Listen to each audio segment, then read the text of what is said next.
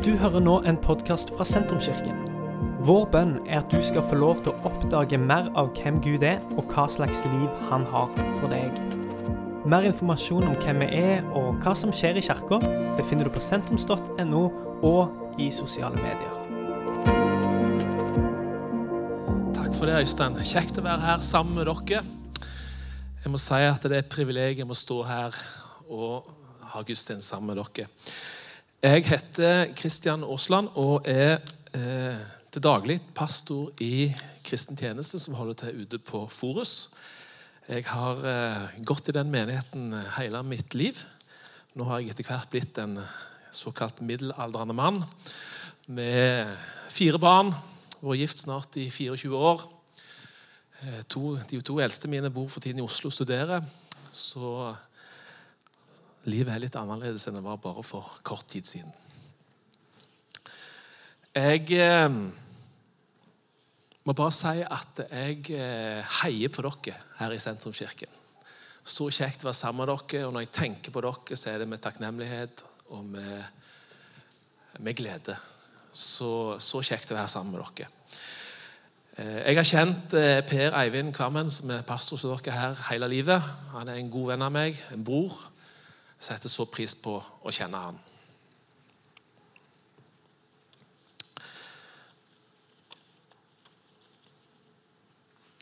Jeg har lyst, eh, Siden ikke alle dere kjenner meg så godt, så jeg har bare lyst til å si litt eh, om meg sjøl før jeg begynner, så dere blir litt mer kjent med meg. Jeg har vært hovedpastor sammen med Gunnberg nå i kona mi i snart fire år og har, men egentlig helt siden jeg var rundt 20 år, jobba mer eller mindre i menighet. Eh, samtidig som jeg òg har vært bonde i snart 20 år. Så jeg har gjort litt forskjellige ting. Så i går så satt jeg altså åtte-ni timer på traktoren og pløyde. Men samtidig mens jeg gjorde det, så tenkte jeg på dere bare for dere. Blant annet.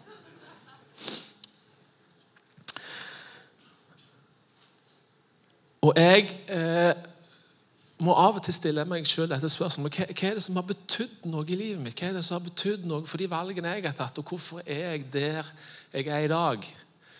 Og Da vil jeg si at det som har kanskje betydd mest for meg, er å være en del av et kristent fellesskap. Og Det har jeg lyst til å snakke litt til dere om i dag. Det å på en måte oppleve kraften i det kristne fellesskapet. For det tror jeg er så viktig at vi av og til setter ord på og sier noe om hvorfor er det kristne fellesskapet så viktig. Jeg har hatt gleden av å vokse opp i et menighetsfellesskap der eh, forkynnelsen gikk veldig mye på at Gud er vår far, Jesus er vår bror, himmelen er åpen for de som vil ta imot. Eh, og hatt mange flotte forbilder som jeg kunne lene meg på og si at ja, sånn som de lever, sånn vil jeg òg prøve å leve. Eh, og Jeg vet at dere òg var glad i Åsulf Kvammen, som har gått bort for kort tid siden. og det var jeg også. Jeg vil si at Han var en av mine forbilder òg. En av de som jeg husker på med takknemlighet. Så jeg vil bare si òg blant dere jeg lyser fred ved Åsulf Kvammen sitt minne i Sentrumskirken i dag. Forkynnelsen gikk også veldig på dette at Jesus han er en som ikke bare har med oss på søndagen, men han er en som har med oss hver eneste dag. Og Jesus han er med oss i stort og i smått. Og Det tror jeg er så viktig at vi òg i vår generasjon bare får med oss. Jesus han er med oss hele veien.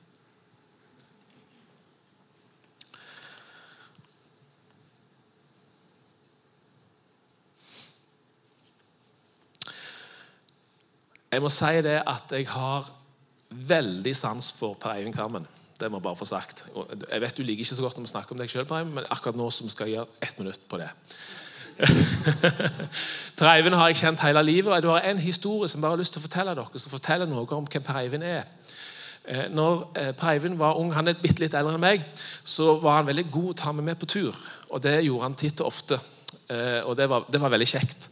Eh, men så var jo Per Eivind en sånn type. Han, han, liker litt utfordringer. Så, så, jeg bor rett ved siden av et fjell som heter Åslandsnuten. og Der tok Per Eivind med meg ganske mange ganger og gikk oppover dette fjellet.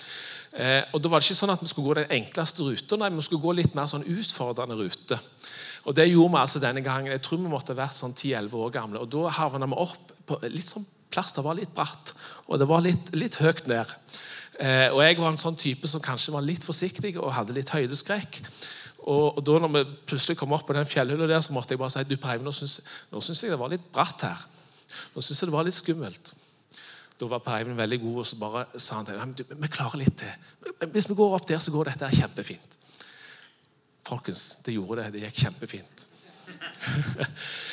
Men det som jeg ville si med denne historien, det er at Per Eivind, du er så god å sette mot i oss. Du er god til å inspirere.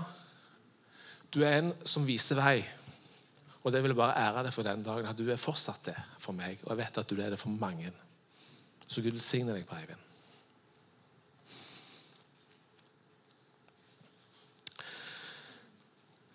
Etter jeg var ferdig med videregående, så hadde jeg en åndelig lengsel. Jeg ønsket å på en måte gå videre med Gud. Hva er nå Gud? Og Derfor valgte jeg å gå på en bibelskole. Og Blant annet så havna jeg på et team som var eh, noen måneder i Mexico. Og Der fikk jeg se på en måte noe av det vi leser om i Bibelen, at Guds rike det virker med kraft. Eh, jeg fikk være del av et menighetsfellesskap der nede der de faktisk så så mye til 40-50 mennesker bli frelst i uka. De levde i vekkelse. Jeg var med på et sånt et, eh, det som dere kaller for link-gruppe eller husgruppe. Der, der, var, der med, Da hadde de møte i en garasje, av alle ting. Veldig spennende. Det som jeg òg fikk se, var at når vi ba for de syke, så ble de friske igjen. Personlig husker jeg aller best at når jeg la hendene på en gutt som var døv Han var døv på det ene øret. Så ba jeg en enkel bønn til Jesus, og så så jeg at han faktisk begynte å høre igjen. Jeg bare så på en måte forundringen i øynene hans når, jeg hadde bedt, og så bare snakket i øret, så, så hørte han. Og disse tingene gjorde at jeg Jeg måtte sette meg ned med meg sjøl og med Gud og så si Gud Dette som du gjør nå, det er så viktig. At Gud, dette er jeg faktisk lyst til å si dette vil jeg leve for. Jeg vil leve for deg, Gud. Jeg vil leve for det du gjør. Og siden den dagen så har på en måte det preget alle valgene jeg har tatt i livet. Men Gud, jeg vil først og fremst leve for deg. Det du har gjort for meg, Jesus. For det er så viktig. Jeg har sett det fungere. Så det har preget livet mitt etter den dagen der. Når jeg bare sa til Gud jeg, jeg følger deg, Jesus.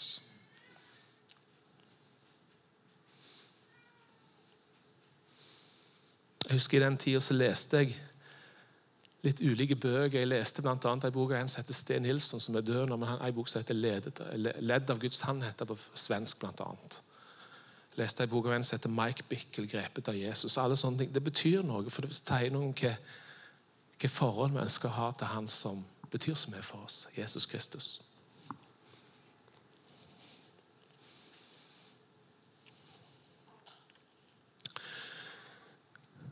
Og Midt oppi dette så møtte jeg også kona mi, Gunnbjørg. Hun hadde bedt om å finne en mann, og så fant hun meg. og Nå har vi vært gift snart i 24 år, så det er løye hvor tida går.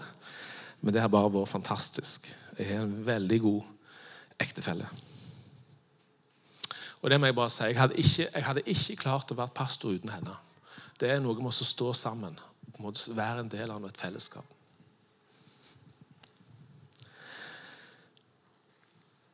Hvis du tar neste slide på, på skjermen. Det er noe, Når vi leser i apostelgjerningene i Bibelen, så er det noe som fortelles om de første kristne. Hvordan var det de levde, hva var det de gjorde, hva var det de syntes var viktig? Og Da kommer vi ikke utenom det som står her i apostelgjerningene 2.42-47. Der står det at de de holdt seg trofast til apostlenes lære og fellesskapet, til brødsbrytelsen og bønnene. Og Nå har vi jo gjort to av disse tingene allerede. Vi har hatt nattverd, som er brødsbrytelse. Vi har gjort bønner. Og læren den er jo for så vidt utgangspunktet enkelt. Vi tror på Jesus han som døde og sto opp igjen for oss. Men så er det en ting som jeg tror er så viktig at vi også tenker på at de holdt fast på fellesskapet samværet med hverandre. Og jeg tror, Når jeg leser Bibelen, så leser jeg så mye om at det kristne fellesskapet det blir sammenlignet med det å være en familie. Der vi har en far i himmelen som er god og vil oss så godt. Der Jesus er vår bror. Ja, han er vår frelser og han er vår mester, men han er òg vår bror, som er med oss i alle ting. Men så står det òg at når du har tatt imot Jesus, så har du òg blitt en bror og du har blitt en søster til noen rundt deg. Og Den dimensjonen der av evangeliet tror jeg er så viktig at vi løfter opp iblant og sier at jo, men jeg har en bror, jeg har en søster i det kristne fellesskapet.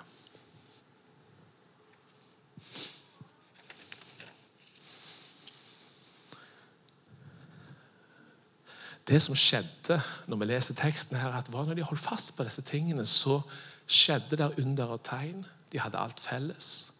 Og så står det helt til slutt Og hver dag lot Herren eh, det riktig, Og hver dag la Herren til nye som lot seg frelse. Det var altså en sånn evig strøm av folk som kom til tro. For at de holdt på fast på disse enkle, men så viktige tingene.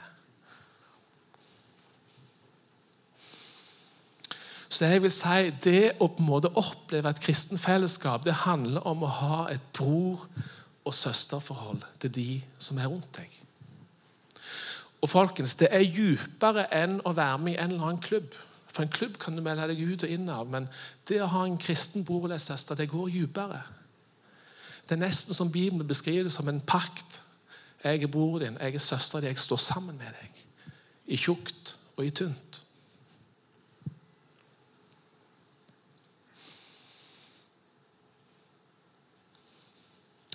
Så sier jo Guds ord at hvis det er en som faller iblant dere, ja, så skal du være med å løfte han opp. Altså Er det noen som det går gale for? Og det gjør det jo. Vi skal være så ærlige at i kristenlivet av og til så, så, får vi det ikke til. Det er da broren eller søstera de er der for deg og hjelper deg opp igjen. Det er da du trenger de mest. Så jeg vil si at Det kristne fellesskapet er en kjempestyrke når det fungerer. Men så er det òg utfordrende de gangene det ikke fungerer.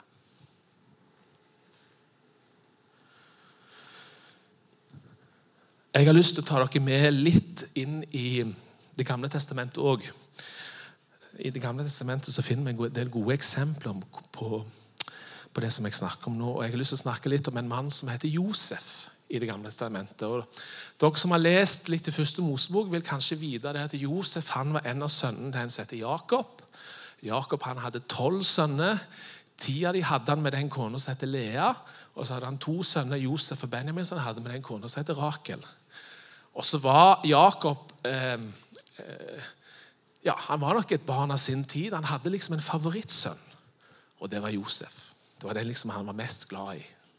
Det er klart at Hvis du har litt sånne preferanser, så er det klart at det er grobånd for misunnelse og, og, og alt sånt i familien. Og I tillegg til dette her så var Josef en kar som hadde noen drømmer. Han hadde noen ideer, han hadde noen tanker fra Gud. Og så var han også så frimodig at han delte disse drømmene med alle brødrene sine. Litt, og det som var greia med den drømmene her var at de var på en måte litt sånn at eh, de andre brødrene skulle bøye seg for Josef i ulike settinger. Og det er klart at det gjorde liksom ikke eh, eh, det gjorde ikke forholdet så mye bedre.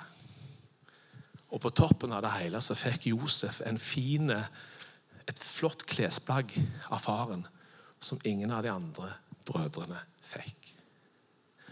Så her ser du en familie der det var en del misunnelse, en del forskjellig som skjedde. Og hva skjedde med Josef? Jo, en dag så nytta brødrene sjansen og rett og slett solgte han som slave til Egypt nabolandet Egypt.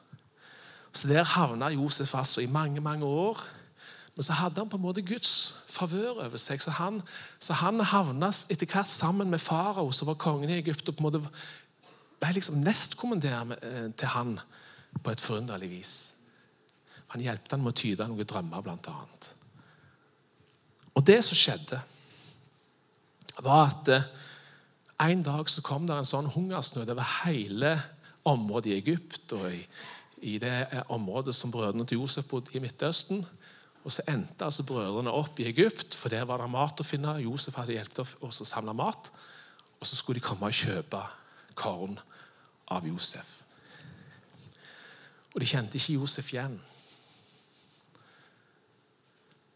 Og så var, var, det mange ting som skjedde, men, men enden på visa var at Josef til slutt han viste seg til brødrene og sier det er meg. Jeg er bror deres. Jeg er bror deres. Og så ble det en, en gjenforening, en forsoning. Så ta neste bilde. Og Jeg har et bilde hengende på veggen hjemme i gangen min, og det er dette bildet her, som viser på en måte den historien om at Josef han ble gjenforent med brødrene sine. Det ble på en måte en gjenopprettelse av det som hadde blitt ødelagt.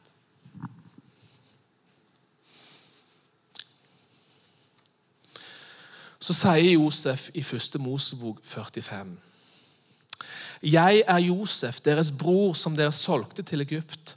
Vær nå ikke nedslått og anklag meg, ikke dere selv fordi dere solgte meg. Det var for å berge liv at Gud sendte meg foran dere. Så står det videre i vers 7.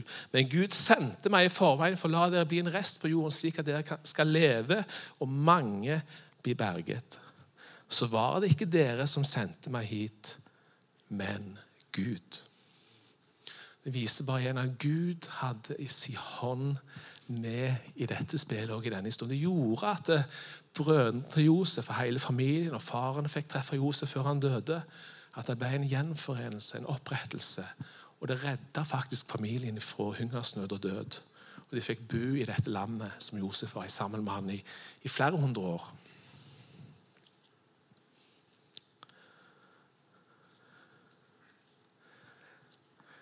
Er ikke dette her med forsoning, det å gjenopprette, er ikke det Gud gjør nå når vi skal snart skal i gang og feire påske? Han gjenoppretter det som har vært ødelagt. Det står et vers i Romerbrevet i Nytestamentet like godt. Det står det i Roman 28. Vi vet at alt tjener til det gode for den som elsker Gud, dem han har kalt etter sin frie vilje. Alle ting vi opplever, det hvis du elsker Gud, så tjener det til sjuende sist Han. Det er ikke alltid vi vet alle detaljer, forstår hva Gud gjør, men når han gjør det, så gjør han det etter sin gode, frie vilje.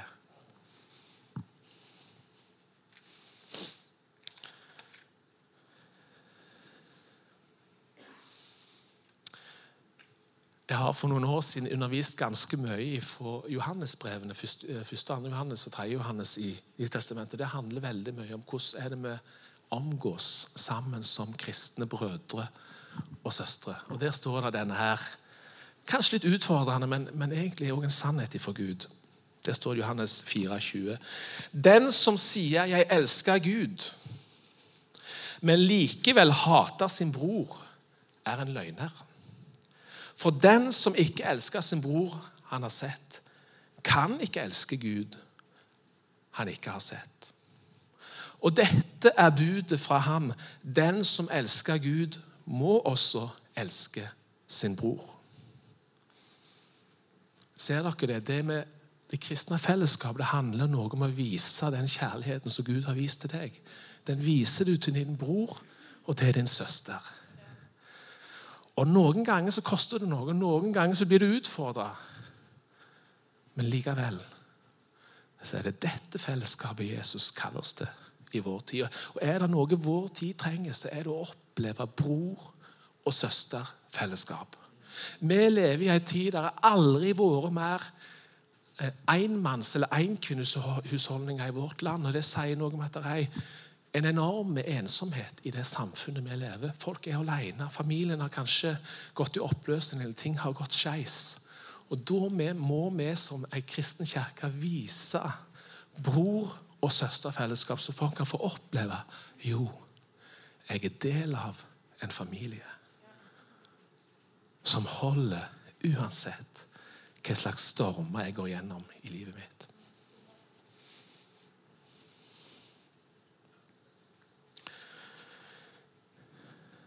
Hvis vi ikke gjør dette, her, så tror jeg faktisk vi mister mennesket for evangeliet. Hvis de ikke opplever bror- og søsterfellesskap, da mister vi dem.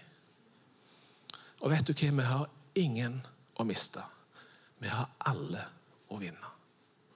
For Gud han sier sitt ord for jeg vil at alle mennesker skal komme til sannhetserkjennelse og finne frelse i meg.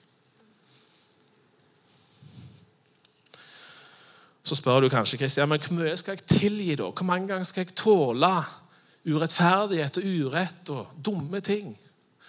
Det er en annen i Bibelen også spurte det samme. Det er Peter, og han sa dette her, spurte Jesus. Jesus, hvor mange ganger skal, du, skal jeg tilgi deg? Tilgi. Er sju ganger nok? Det syntes han var mye, liksom. Sier Jesus du skal tilgi 70 ganger 7. Og 70 ganger 7 var for jødene uendelig. Du skal tilgi alltid. Gang på gang på gang på gang. Og hvorfor? Jo, for Jesus har jo tilgitt deg alt. Absolutt alt.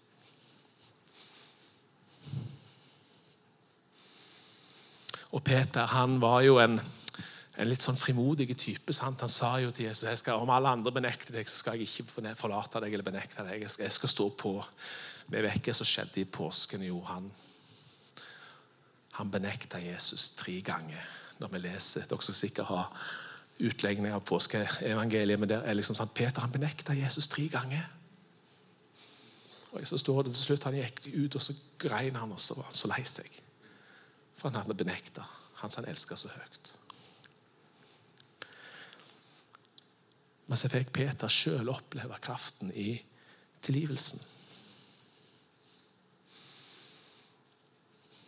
Og Det står det i Johannes 21 at, det, at Peter og Jesus fikk sette seg ned sammen etter et, et måltid. Eller øye det hvor, hvor måltidsfellesskapet på en måte sier noe om, om nærvær og vennskap og, som betyr noe.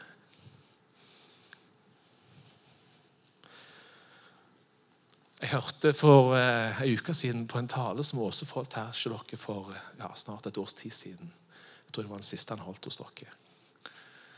Og Han sa noe der som jeg har grunnlag Han sa han, han snakket om å ha noe som profetisk teft. Og jeg har bare lyst til å si noe som jeg opplever Gud sier til dere i dag, denne dagen gjennom det som skjedde med Peter og, og Jesus.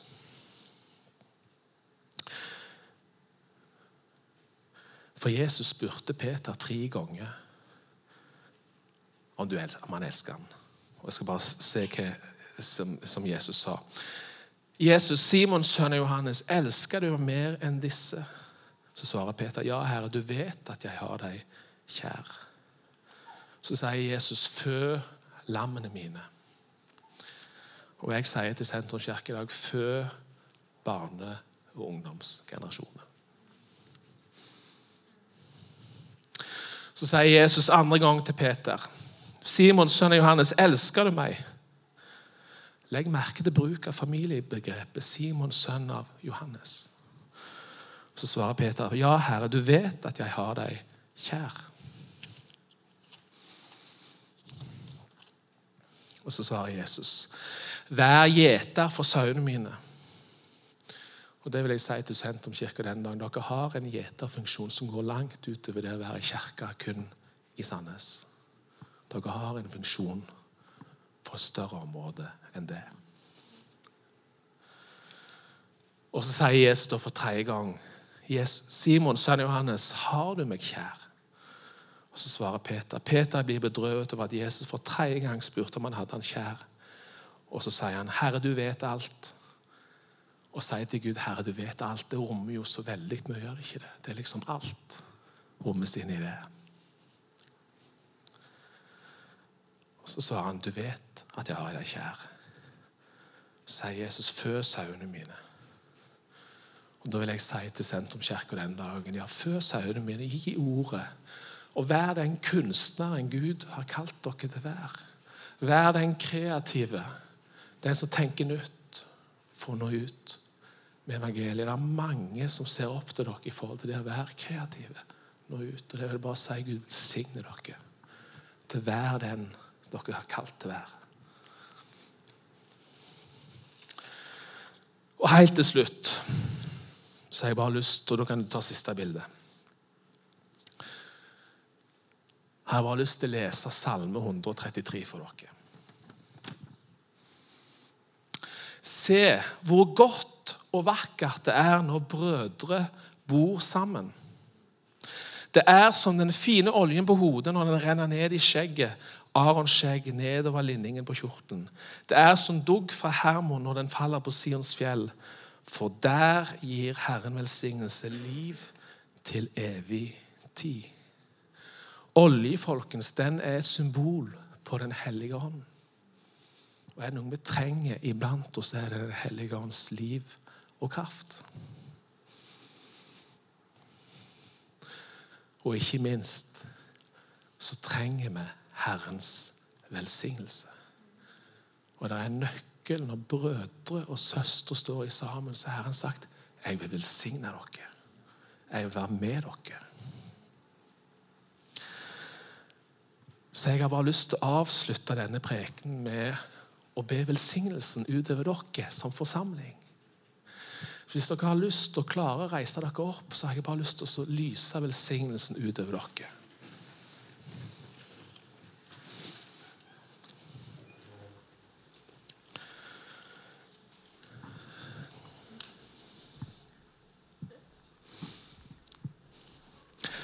Herren velsigne deg og bevare deg. Herren la sitt ansikt lyse over deg og være deg nådig. Herren løfte sitt ansikt mot deg og gi deg fred. Tusen takk for at jeg fikk lov til å være sammen med dere i dag. Takk for meg. Dette er slutten på denne podkastepisoden. Har du spørsmål om Jesus, om tro, om livet, så er du hjertelig velkommen til å ta kontakt med oss via sentrums.no.